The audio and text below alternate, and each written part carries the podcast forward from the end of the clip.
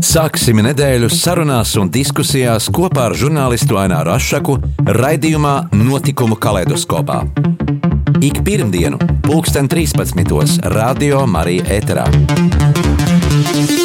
Tiksimies ar amatpersonām, interesantiem cilvēkiem, runāsim par aktuālitātēm un ikdienišķām lietām. Gaidīsim arī klausītāju jautājumus Radio Marija studijas viesiem. Ik pirmdienu, pulksten 13. raidījumā Notikumu kaleidoskopā.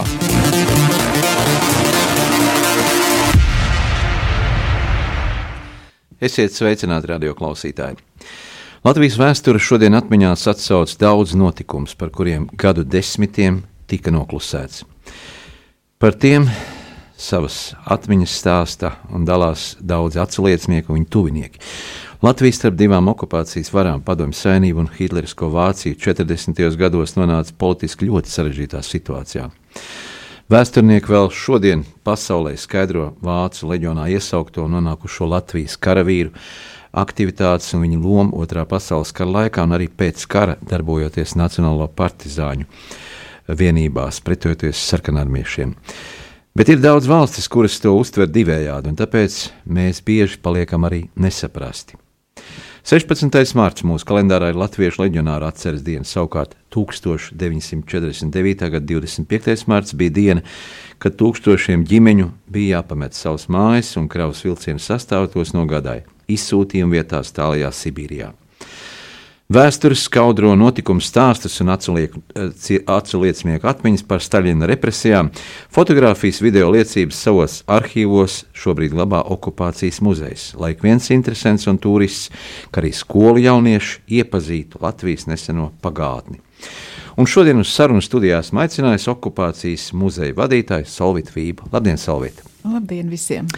Jā, vārds okupācija vēl 80. gados runājot eh, par Latvijas likteni un 40. gada pievienošanos padomju senībai bija aizliegts jēdziens un neatļauts sarunu temats. Kā līdz ar Latvijas neatkarības atjaunošanu 90. gados radās ideja izveidot muzeju, kurš mūsu daudz nacionālajā sabiedrībā tika tobrīd un varbūt arī šobrīd vēl divējādi uztverts. Jā, es gribu teikt, ka 90. gadu sākumā Un proti 93. gadā 11 Latvijas patriotiem no trīs kontinentiem, no pieciem no Latvijas, trījiem no Austrālijas un trījiem no Amerikas, radās ideja, ka šāds muzejs ir nepieciešams. Un muzejs tika dibināts. Šie aktīvie cilvēki, patrioti, profesors Pauls Lazda un citi, klauvēja pie valdības durvīm un teica, ka tāds muzejs ir vajadzīgs. Un paldies Dievam, ka netika atteikts, un šobrīd mūsu muzejs pastāv jau gandrīz 30 gadus. Privāts muzejs, kuru uh, uztur kuru atbalsta Latvijas okupācijas muzeja biedrība. Tātad tas ir nevalstisks muzejs. Jā, sākotnēji tas uh, bija privātais. Arī, es saprotu, ka tā, sākotnēji tas bija privātais, un pēc tam valsts pārņēma arī dotāciju. Nē, šobrīd arī mēs joprojām mm -hmm. esam privāts arī muzejs, privāts. biedrības muzejs. Uh, mūsu uh, nu, teiksim, ienākumi vairāk 80% ir no ziedojumiem. Paldies visiem mīļajiem ziedotājiem, un valsts mūs atbalsta ar dotāciju. Jā. Zinu, ka šodien ir apaļa jubileja vienam no uh, fonda uh, valdes priekšsēžiem, nu jau bijušajiem, kurš janvārī nodeva stapveti, un tas ir Walters Valendorfs. Tad 90 gadu jubileja mazliet par šo notikumu. Jā, es uh, izmantojot iespēju, gribu sveikt Walteru mīļi sveikt dzimšanas dienā 90. gadskārtā. Tas ir mūsu lielais gara milzis, mūsu muzeja gariņš kurš patiešām 15 gadus esot valdes priekšsēža amatā, ir nesis muzeja vārdu, devis muzeja saturu un vienmēr bijis nu, patiešām mūsu muzeja balsts. Mm -hmm.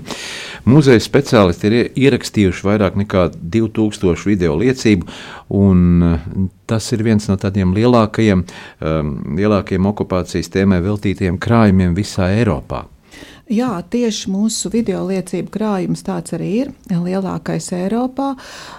Tas ir vairāk kā 400 stundas video liecību. Tie ir stāsti gan par deportācijām, gan par pretošanās kustību. Un, un tātad faktiski mūsu muzeja stāsta chronoloģiskā perioda stāsti atsliecinieku liecības. Un mēs ar vēl joprojām aicinām uh, acu lieciniekus sniegt šīs video liecības, un vēl joprojām mēs tās arī ierakstām. Jā, vai cilvēki nav vēl joprojām tādi nedaudz atturīgi savās tajās liecībās, vai ir jūtams tomēr tā atbrīvotība, ka mēs dzīvojam demokrātiskā valstī un var dalīties atmiņās un pastāstīt to pagātnes nu, sarežģītos notikumus? Ziniet, ir visādi, cilvēki ir dažādi, bet tad, kad mēs nu, sajūtam to saikni ar, ar cilvēku, kas atmiņas sniedz, tad, tad mēs tiešām tiekam klātai vēsturei, mūsuprāt, tas ir ļoti, ļoti svarīgi. Un, mēs arī ļoti bieži vairāk kārtīgi braucam ciemos, un vairāk kārtīgi mums ir cilvēki, kas ir desmit stundu liecības snieguši. Tas nav viens dienas darbs, tas ir pat nedēļas darbs un vairāk. Un mēs patiešām ļoti priecājamies, ka vēl joprojām uh, radinieku ģimenes pierunāti acu liecinieki mums savas liecības uztic. Nesen arī mm, pagāja 16. mārts šogad Covid-19 pandēmijas laikā. Tas bija varbūt tāds klusāks, un cilvēki nu, aizgāja pie brīvības pieminiekļa, devās uz lesteni, nolika ziedus. Citus gadus tas bija mm, vairāk tā politizēts un skaļš pasākums. Jā, kā šodien tiek uztverts šis 16. mārts pasaulē? Es domāju, tā, ka vispirms mums pašiem, mūsu valstī, mums ir jāsaprot, ka šie cilvēki bija mūsu tautas daļa. Tie bija jauni puiši, kuri bija mobilizēti, tie nebija brīvprātīgie, mēs zinām, ka šī arī bija okupācijas vara. Mēs ļoti labi saprotam, ka mēs nekādā gadījumā nevaram ne juridiski, ne arī faktiski uzskatīt šos cilvēkus par kara noziedzniekiem. Un to jau ir arī devusi, devusi vērtējumu starptautiskā sabiedrība. Protams, mēs zinām, ka mums te pavisam blakus ir arī mūsu oponenti, kas izmanto šos cilvēkus, viņu likteņus politiskiem nolūkiem. Bet mēs šobrīd ļoti, zinām, zinām, ļoti labi zinām vēstures patiesību. Līdz ar to mēs esam labi bruņoti, akadēmiski izglītoti un arī stingri savā nostājā. Jā, un runājot par 25. martu, kas būs pēc dažām dienām, tas arī atsauc atmiņā šīs uh, daudzās uh, izsūtīšanas, ģimenes izpostītās un uh, došanos prom tālu Sibīrijā. Pēc tam atgriežoties arī Latvijā daudziem cilvēkiem uh, par šo datumu runājot. À.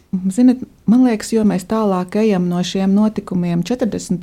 gados, jo, kā zināms, bija vairākas, bija divas izsūtīšanas un represijas jau bija vairāk. Un, 41. Jā, gads, un, un tā tad mēs ar vienu, manuprāt, vairāk novērtējam to. Un, novērtējam to, ka šie cilvēki vēl joprojām ir līdzās. Mēs novērtējam viņu klātbūtni, viņu pārdzīvoto un tieši šogad, nu, apstākļos, ka mēs bieži gaužamies par grūto dzīvi, par to, cik mums slikti klājas, kādas mums ir depresijas. Es domāju, viņu stāsti ļoti, ļoti palīdz. Un, un, um, tas ir tas, ko mēs mēģinam arī muzejā stāstīt. Pēc iespējas vairāk, lai cilvēki būtu garā stipri, lai būtu šī pašcieņa un, un nekad, lai mēs nezaudētu nu, savu tādu spēku.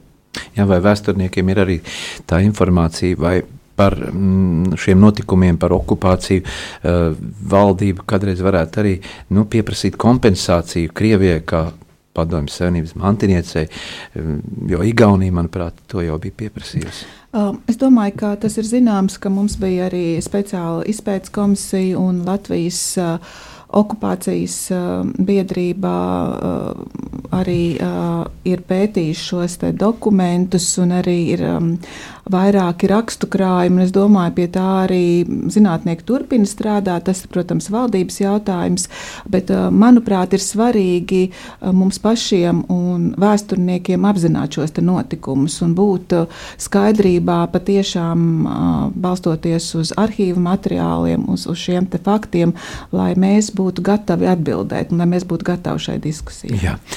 Raidījuma laikā dosim iespēju arī mūsu klausītājiem uzdot kādu jautājumu vai dalīties atmiņās.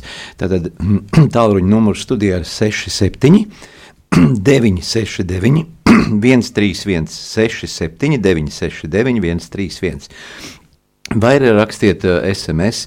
Uh, numurs ir 266, 77, 272, 266, 77, 272. Varbūt arī savu jautājumu rakstiet e-pastā studijā trml.clv. Studijā trml.clv. Atgādinu, ka tiešraidē telefona numurs ir 67, 969, 131. Zinu, ka 2001. gadā arhitekts Gunārs Birkards okupācijas muzejam uzdāvināja nākotnes nama projekta vīziju. Jā, un pirms uh, dažiem gadiem tika sākta beidzot muzeja restaurācija. Kā ir ar šiem būvniecības darbiem? Nu, mēs ļoti, ļoti gaidām notikumu, ka varēsim atgriezties atpakaļ mūsu ēkā uh, Latviešu strēlnieku laukumā viens. Šobrīd es varu teikt, tas noteikti būs šogad. Uh, tā mēs esam teikuši vairākus gadus, un mēs ļoti gaidām šo notikumu, gaida to ziedotāji, kas ir devuši savus līdzekļus muzeja restaurācijai un jaunās piebūves celšanai. Kā jūs pieminējāt, Gunārs Birherta ideja bija no tumšās pagātnes uz gaišo nākotni. Tas simboliski ataino arī mūsu muzeja stāstu, mēs tiešām domājam, ka ieejot jaunajā ēkā, mums būs svarīgi ne tikai atvērt jauno ekspozīciju un nu, tā mm -hmm. praktiski ieiet ēkā kā muzejam, bet um, arī piepildīt šo ēku ar savu stāstu un būt vietai. Jo tas tā nav tikai māja. Tad mums būs jādomā par saturu, par to, kā muzejs tālāk uh, uzrunās. Uh, cilvēkus un, un iesaistīties, iesaistīties arī tādā nu, sabiedriskajā dzīvē, diskusijā. Jāsaka, šajā gadījumā sasauksies divi Daugavas krasti. Eh, Gaismas pils eh, pretējā Daugavas krastā, arī Gunāra Birkarta projekts un eh, nākotnes nams šeit pie Rīgas domas, jā, tad strelnieku laukumā. Jā, par memoriālu runājot. Uh, jā, blakus muzejam, kā zināms, būs memoriāls uh, un uh, Arī šī memoriāla simboliskais tāds, kodols ir no mūsu muzeja priekšmeta, no priekšmetu, kuru no izsūtījuma atveda atpakaļ Mērijas Stakle. Tas ir izšūtais kapats lakatiņš. Ļoti, ļoti tāds nozīmīgs priekšmets mūsu krājumā, priekšmets ar savu stāstu. Mērijas Staklas ģimene tika izsūtīta, tātad viņa kopā ar meitu Hildi un vīru Pēteri, kurš bija hidroinženieris, būvējis ķegumu Hesu. Tātad viņa noziegums 49. gadā bija viņa inteliģence un dzīves gudrība. Un, viņi tātad arī nonāca izsūtījumā. Uh, Un, um, jāsaka, ar ko šis priekšmets tieši ir simbolisks, kā tad, kad Mērija uh, saviem izsūtījumu biedriem un cilvēkiem, kurus viņi satika, sāk stāstīt stāstus par to, kā viņi ceļojusi Eiropā, bijusi Parīzē un citās skaistās vietās, viņa no izsūtītās tika klasificēta par politieslodzīto, jo viņas stāsti tika klasificēti kā buržāzes, kā propaganda. Un viņa tika tātad arestēta, un 1950. gada 18. jūnijā viņa tika ieslodzīta, un tieši šis datums ir uz kabatslakatiņa. Uh, izšūts, un to ir parakstījuši viņas līdzcilvēki, viņas līdzbiedri. Un, ko es gribu teikt, tur ir ļoti dažādi vārdi. Tur nav tikai latvieši. Un te mēs redzam, ka patiesībā šādi skaudri notikumi laikam mūs vieno, vieno kā cilvēkus, un šeit mēs nedalām, kurš ir latviečs un kurš nav latviečs.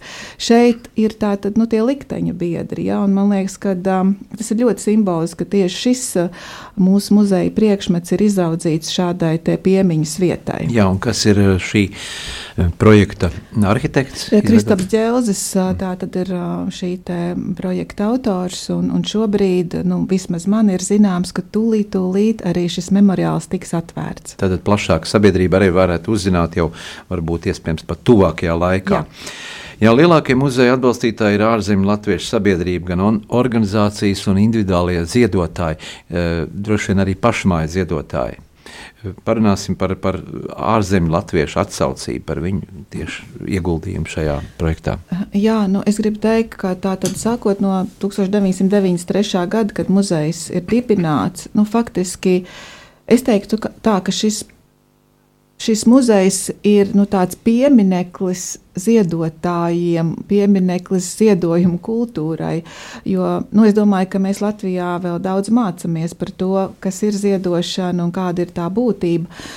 Un mums muzejam ļoti, ļoti palīdz ziedotāji visos kontinentos. Mums ir ļoti cieši saiknes. Es varu teikt tā, ka mums ir savi brīvprātīgie, savi aktīvisti, kas patiešām iesaistās muzejā darbā, es teikšu, pat ikdienā. Un, un mēs ar viņiem komunicējam nu, šobrīd Zoom formātos, bet tad, kad pasaule bija vaļā un cerams, ka arī būs, tad mēs bieži tiekamies un, un Faktiski mēs pat nejūtam robežas, mēs esam ļoti, ļoti tuvu. Vai var teikt, ka arī paši uzņēmēji ir jau izauguši līdz tādam līmenim, kad arī at, saprot un atbalsta savus? Jā, es gribu teikt, ka mūsu jauno ekspozīciju mēs būvējam sadarbībā ar uh, dizaina firmu HDV, un mums ir ļoti daudz atbalstītāju. Šobrīd varbūt tas pat vēl ir noslēpums, jo mēs uh, noteikti par to stāstīsim atsevišķi, bet mūsu jauno ekspozīciju mēs būvējam pateicoties pateicoties ar, arī mūsu vietējo uh, uzņēmēju atbalstam. Tā kā liels paldies visiem! Jā, bet tagad uh, neliela muzikāla pauzīte. Uh, atgādinu, ka tālruņa studijā ir 67, 969, 131, 67, 969, 131. Vai arī SMS savu jautājumu varat uzdot rakstot 266, 77, 272, vai arī e-pastā studija at rml.clv. Bet tagad lai skan mūzika.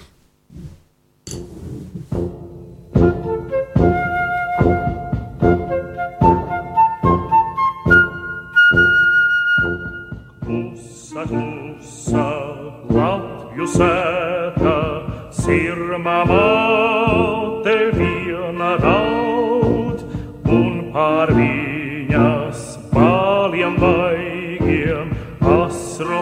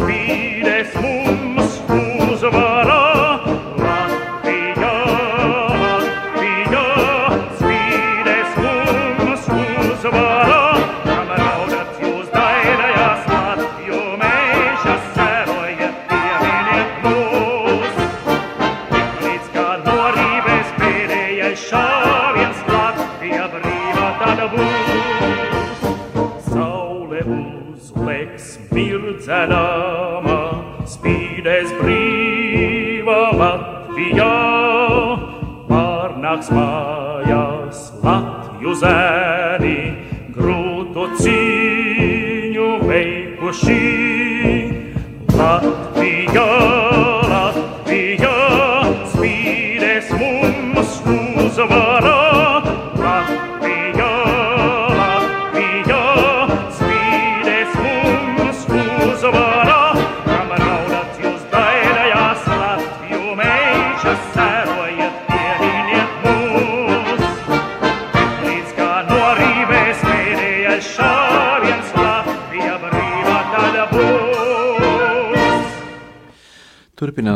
Sarunu studijā ar mūsu šīsdienas viesu, ar okupācijas muzeja vadītāju Solvitu Vību. Jau pirmajās dienās pēc Latvijas okupācijas Latvijas komunistiskā partija izvērsa brutāls uzbrukums latviešu kultūrai un mākslai, kas piespiedu kārtā lika pakļauties rusifikācijai. Jā, tika ieviesta dažāda veida cenzūra uh, mūsu uh, kultūrai, latviskām aktivitātēm. Varbūt pastāstīt par šiem fonda krājumiem, kas arī liecina par tā laika um, nu, attieksmi uh, pret, šiem, pret šīm mūsu kultūras uh, dzīves norisēm, pret dziesmu svētkiem, pret vispārējo, kas uh, mūs raksturoja kā latviešus.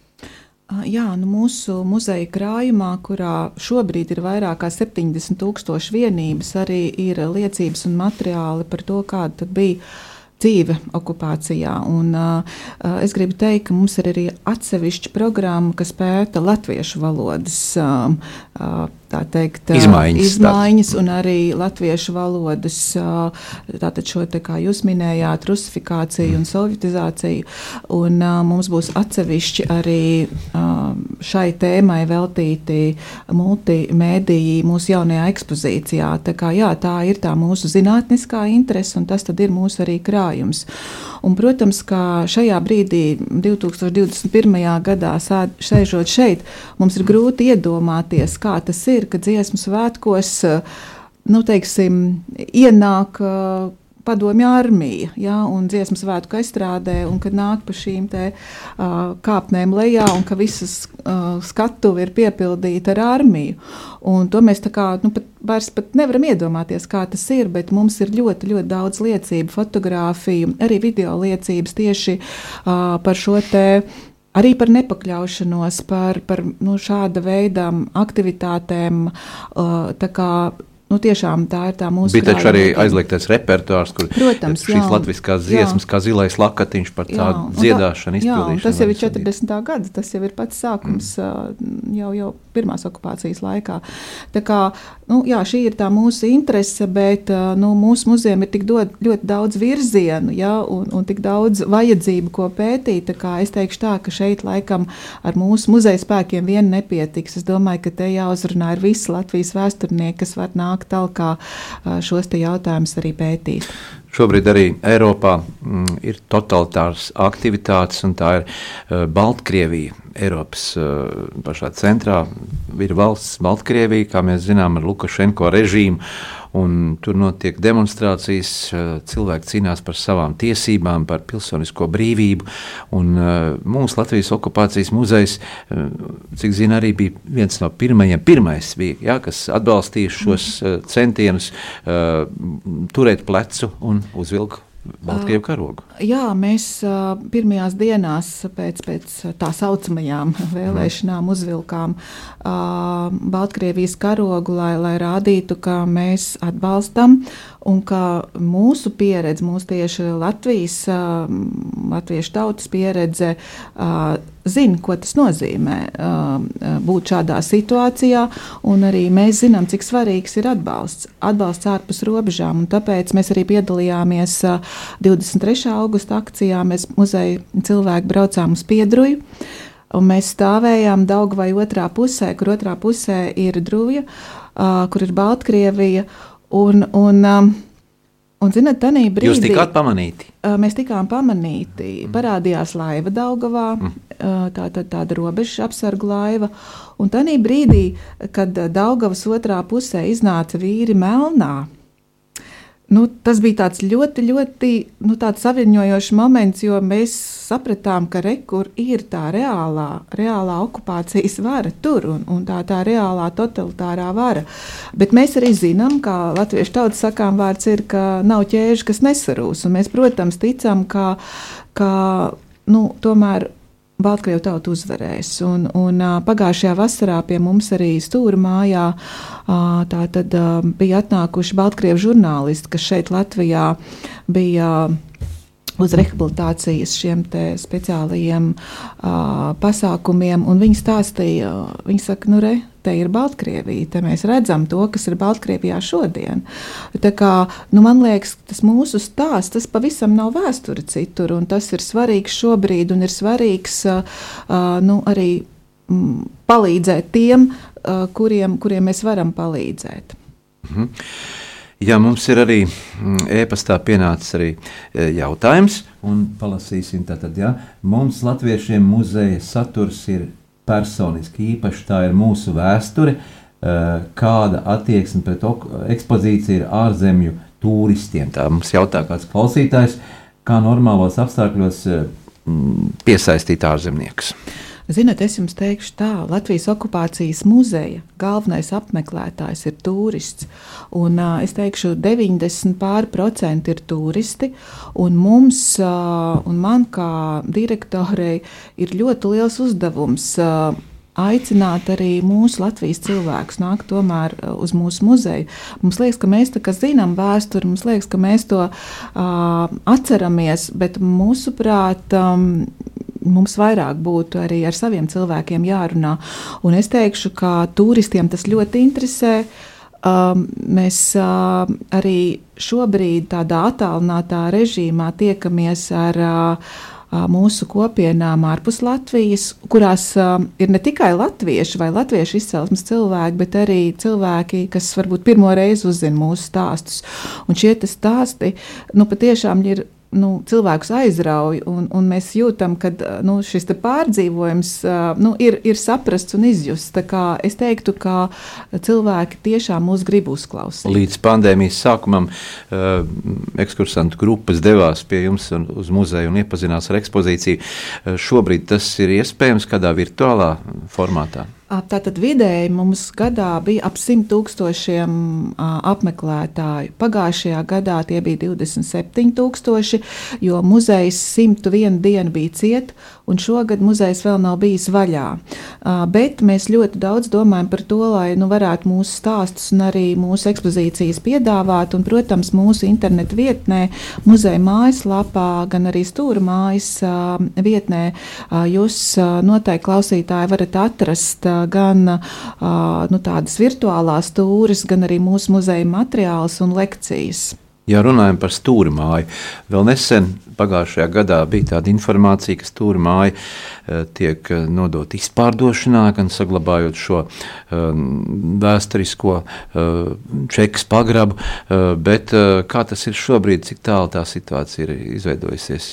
Un, nu, jā, muzejs ir pastāvīgs nomnieks, bet pagājušajā gadā, 30. novembrī, valdība pieņēma lēmumu šo ēku neizsolīt, tātad paturēt valsts īpašumā.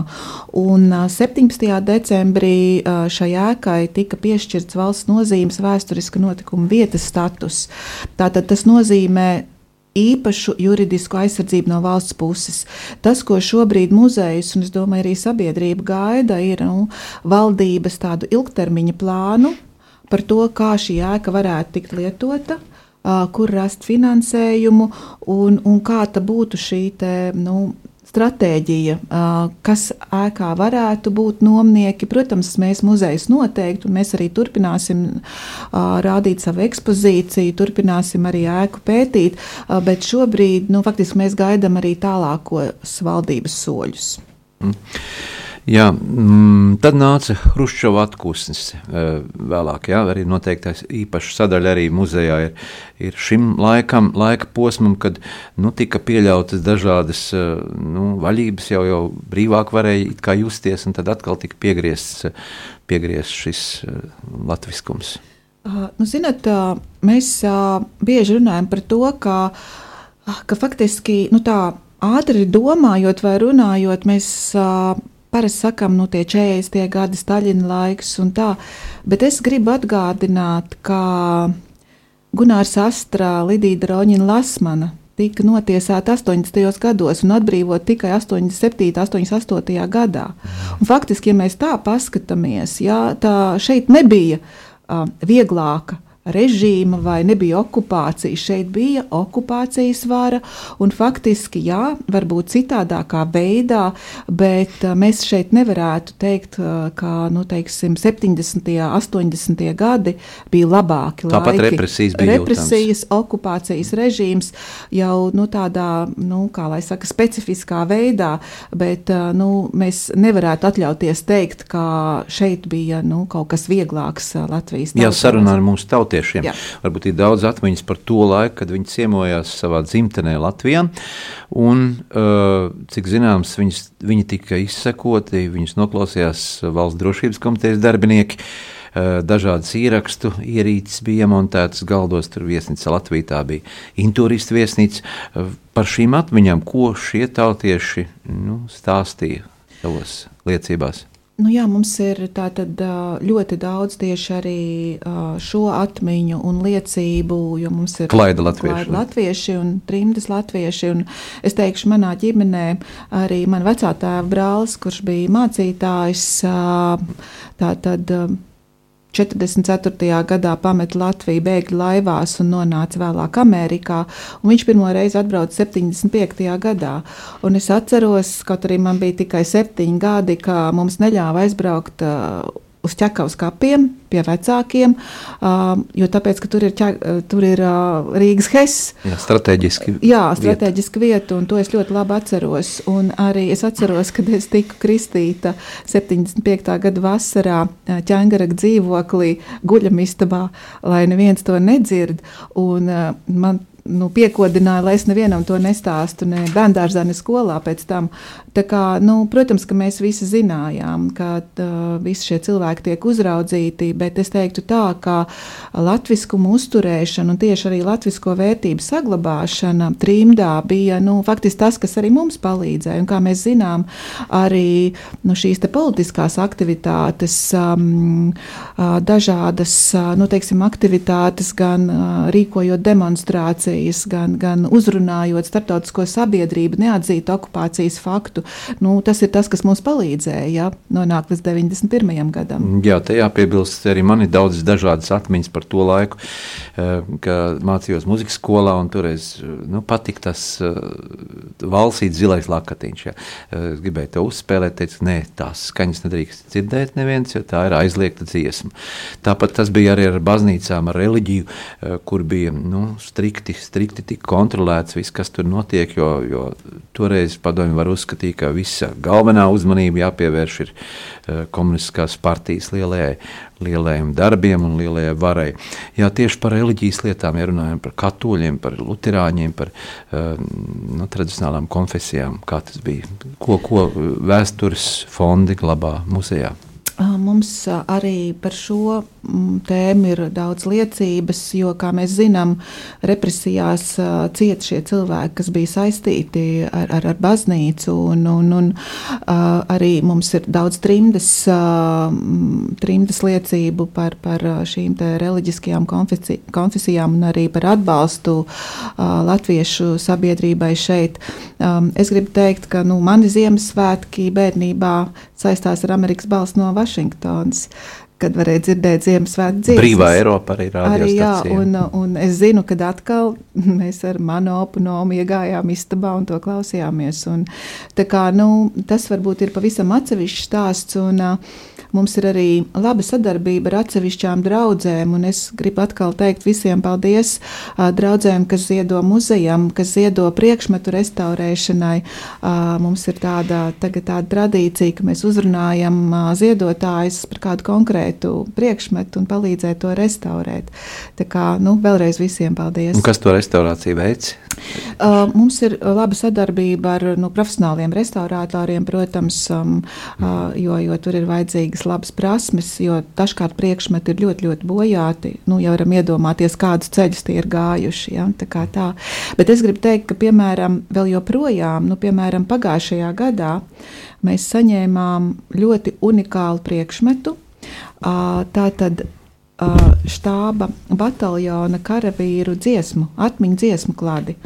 Un tā tad 20. gads dziesmu klāde, kur viens no ierakstiem ir tapis 17. jūlijā 1940. gadā. Un ieraksts ir sekojošs, ka šodien pēdējā goda sardzē iziet kareivji. Un ar tieši ar tādu ierakstu ir šī dziesma klade.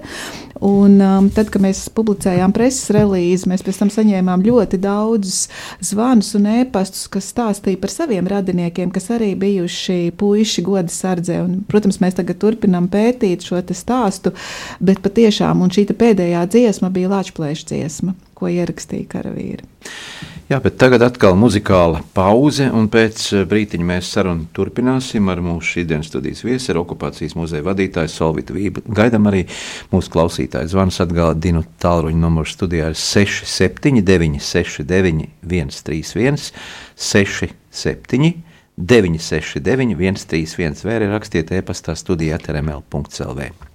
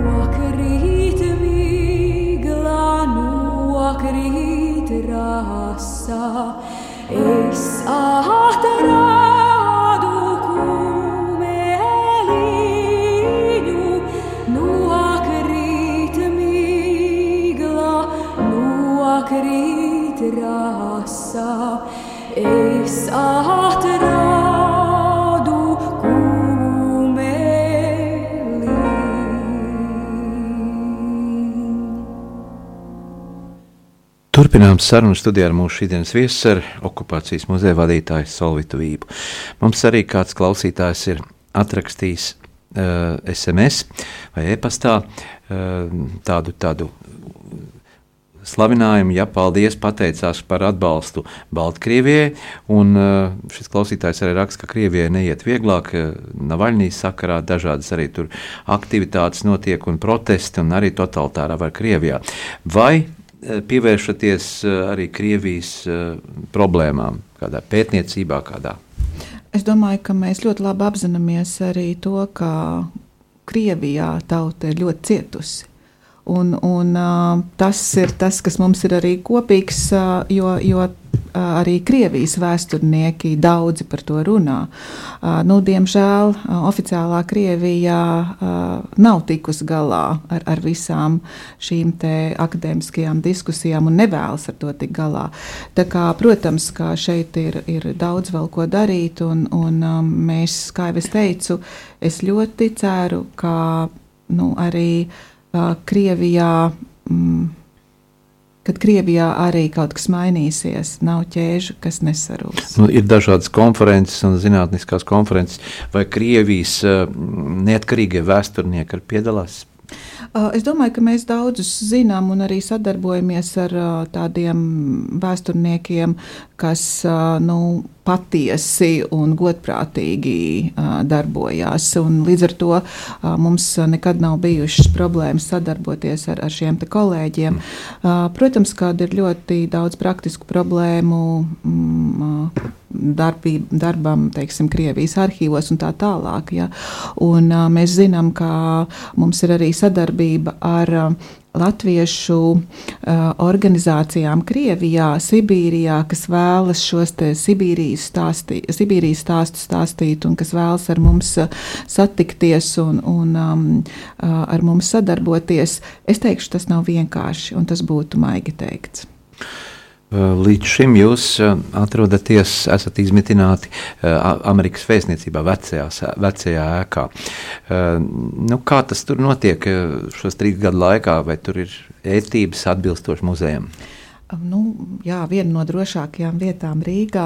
Mēs jau esam pieraduši, bet mums visu laiku muzejam uh, nu, ir tāda dzīve tā kā uz čemodāniem. Un, un, uh, un tas, uh, nu, Es ceru, ka mēs nebūsim pārdeguši no gaidīšanas. Mēs visu laiku esam tādā starta pozīcijā, bet nu, šobrīd mums tiek solīts, ka mēs varēsim doties uz rekonstruēto mm, ēku Latviešu strēlnieku laukumā viens māja sākumā.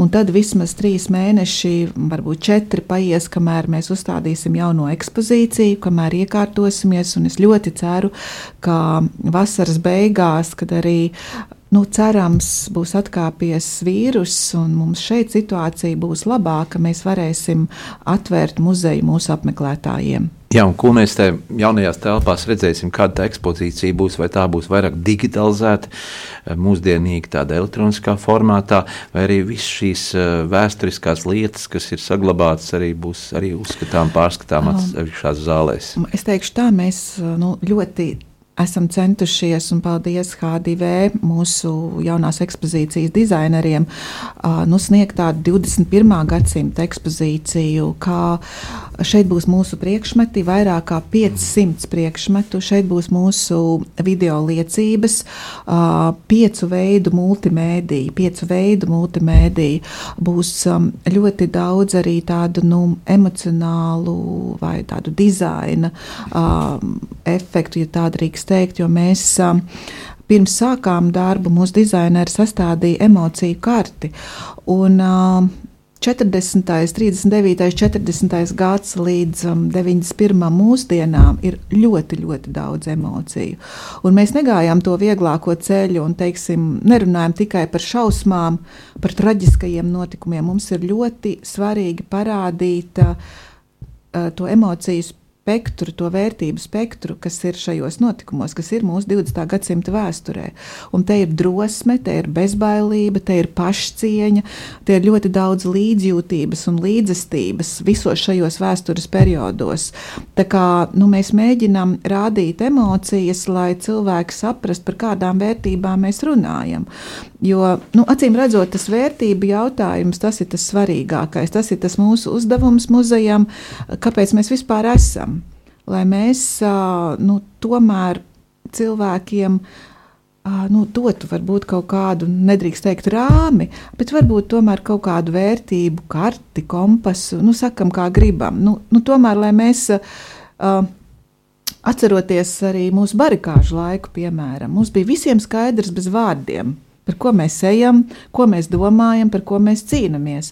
Šodien mēs, man liekas, esam tādi palikuši, varbūt drusku dezorientēti šajās mūsu galvenajās vērtībās. Un, Šogad mēs atzīmējām barikāžu jubileju. 30. Jā, un, jā. un skatoties vienu dokumentālo liecību, man prātā tagad pieminēt gribas uh, Imants Ziedoņa teiktais uh, Doma laukumā.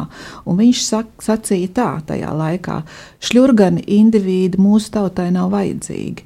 Un es gribētu teikt, ka mums nevajadzētu būt tik šļurganiem, tik, tik nu, kā lai saka, varbūt tās tādiem ņaudošiem un, un vairāk spēka, taisnas muguras, pašcieņas, un, un, un tad es domāju, mēs būsim stiprāki. Ja varētu teikt, ka tā paudze tomēr izcieta, izdzīvoja, uh, salīdzinot ar, ar, ar mūsdienu nērtībām, ja mēs šobrīd pandēmijas laikā daudz uh, nu, pārdzīvojam, ka nevar aiziet uz veikalu vai kaut ko tie, tās grūtības ir nesalīdzināmas ar tiem uh, pārdzīvojumiem, ko toreiz uh, pārciet šīs izsūtīto ģimenes.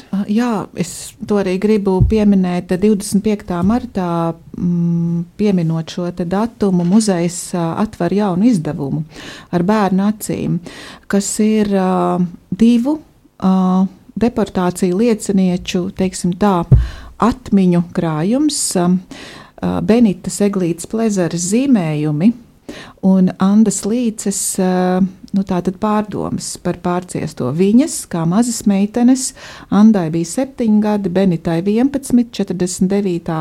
gada 25. marta rītā, nu, tātad devās prom un pazaudēja bērnību. Un tad, kad mēs apskatāmies un palasām un pārdomājam, mēs redzam, ka nu, ko patiesībā cilvēki ir pārdzīvojuši un cik stipri cilvēki var būt.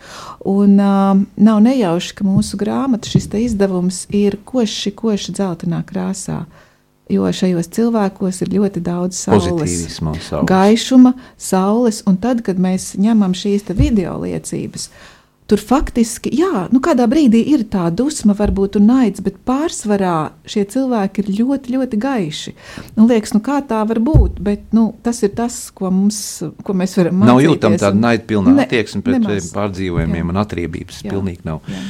Ja mūsu sarunas laiks tuvojas noslēgumam, un es gribētu pajautāt, mm, ko jūs gribētu novēlēt mūsu radioklausītājiem šajā martā, šajā vēsturisko notikumu uh, laikā, kad, kad 16. mārciņa, 25. mārciņa, tomēr ir ļoti, ļoti daudz ģimenes, kam šie datumi uh, ir, ir, ir cieši saistīti atmiņās. Ja? Gan varbūt to, tie atsliecinieki ir mazāk par 16. martu, bet uh, viņu, viņu pēcnācēji un tomēr 25. marts ir vēl joprojām daudz, daudz, daudz atsliecinieku. Nu jā, es visiem gribu novēlēt um, labas, labu veselību pirmkārt. Uh, stingras muguras, gaišas galvas un sirds, siltas sirdis.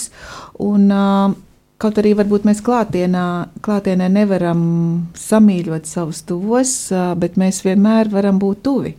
Un es domāju, novērtējam tos cilvēkus, kas mums vēl ir līdzās. Uh, mūsu vecās mammas, vecos tēvus, tētis, mammas, kas to ir pārcietuši, un esam stipri, esam drosmīgi un esam dzīves gudri. Paldies! Gribās arī, gribētos arī radio Mariju vārdā novēlēt, lai okupācijas muzejs ātrāk atgriežas savā mājās, patstāvīgās mājās, jaunajās mājās, nākotnes namā, eh, lai mēs ieraugam arī šo memoriālu Un, protams, protams, izturību uh, visiem darbiniekiem, uh, darot šo svētīgo darbu, arī skolojot uh, skolēnus, izglītojot citu valstu turistus, kas ierodās šeit Latvijā. Un neapšaubāmi vēlreiz arī savā vārdā gribu apsveikt Walteru Valendorfu apaļajā 90. gada dzimšanas dienā šodien, un uh, pateikt lielu paldies par to, uh, par to veikumu, ko viņš ir padarījis, lai, lai šis muzejs būtu arī ar savu ieguldījumu, ar, ar materiāliem ieguldījumiem, gan arī vēsturiskiem ieguldījumiem, piesaistot uh, dažādus investorus un ziedotājus. Lielas paldies mūsu šīs dienas studijas viesim, okupācijas muzeja vadītājai Solvitē Vībai, ka atradāt laiku, lai paviesotos pie mums Radio Marija studijā. Paldies! Paldies jums arī! Paldies. Sāksim nedēļu sarunās un diskusijās kopā ar žurnālistu Aināru Rošu raidījumā Notikumu kaleidoskopā. Ik pirmdienu, pulksten 13. Radio Marija Eterā. Tiksimies ar amatpersonām, interesantiem cilvēkiem, runāsim par aktuālitātēm un ikdienišķām lietām. Gaidīsim arī klausītāju jautājumus Radio Marija studijas viesiem. Ik pirmdienu, pulksten 13. raidījumā Notikumu kaleidoskopā.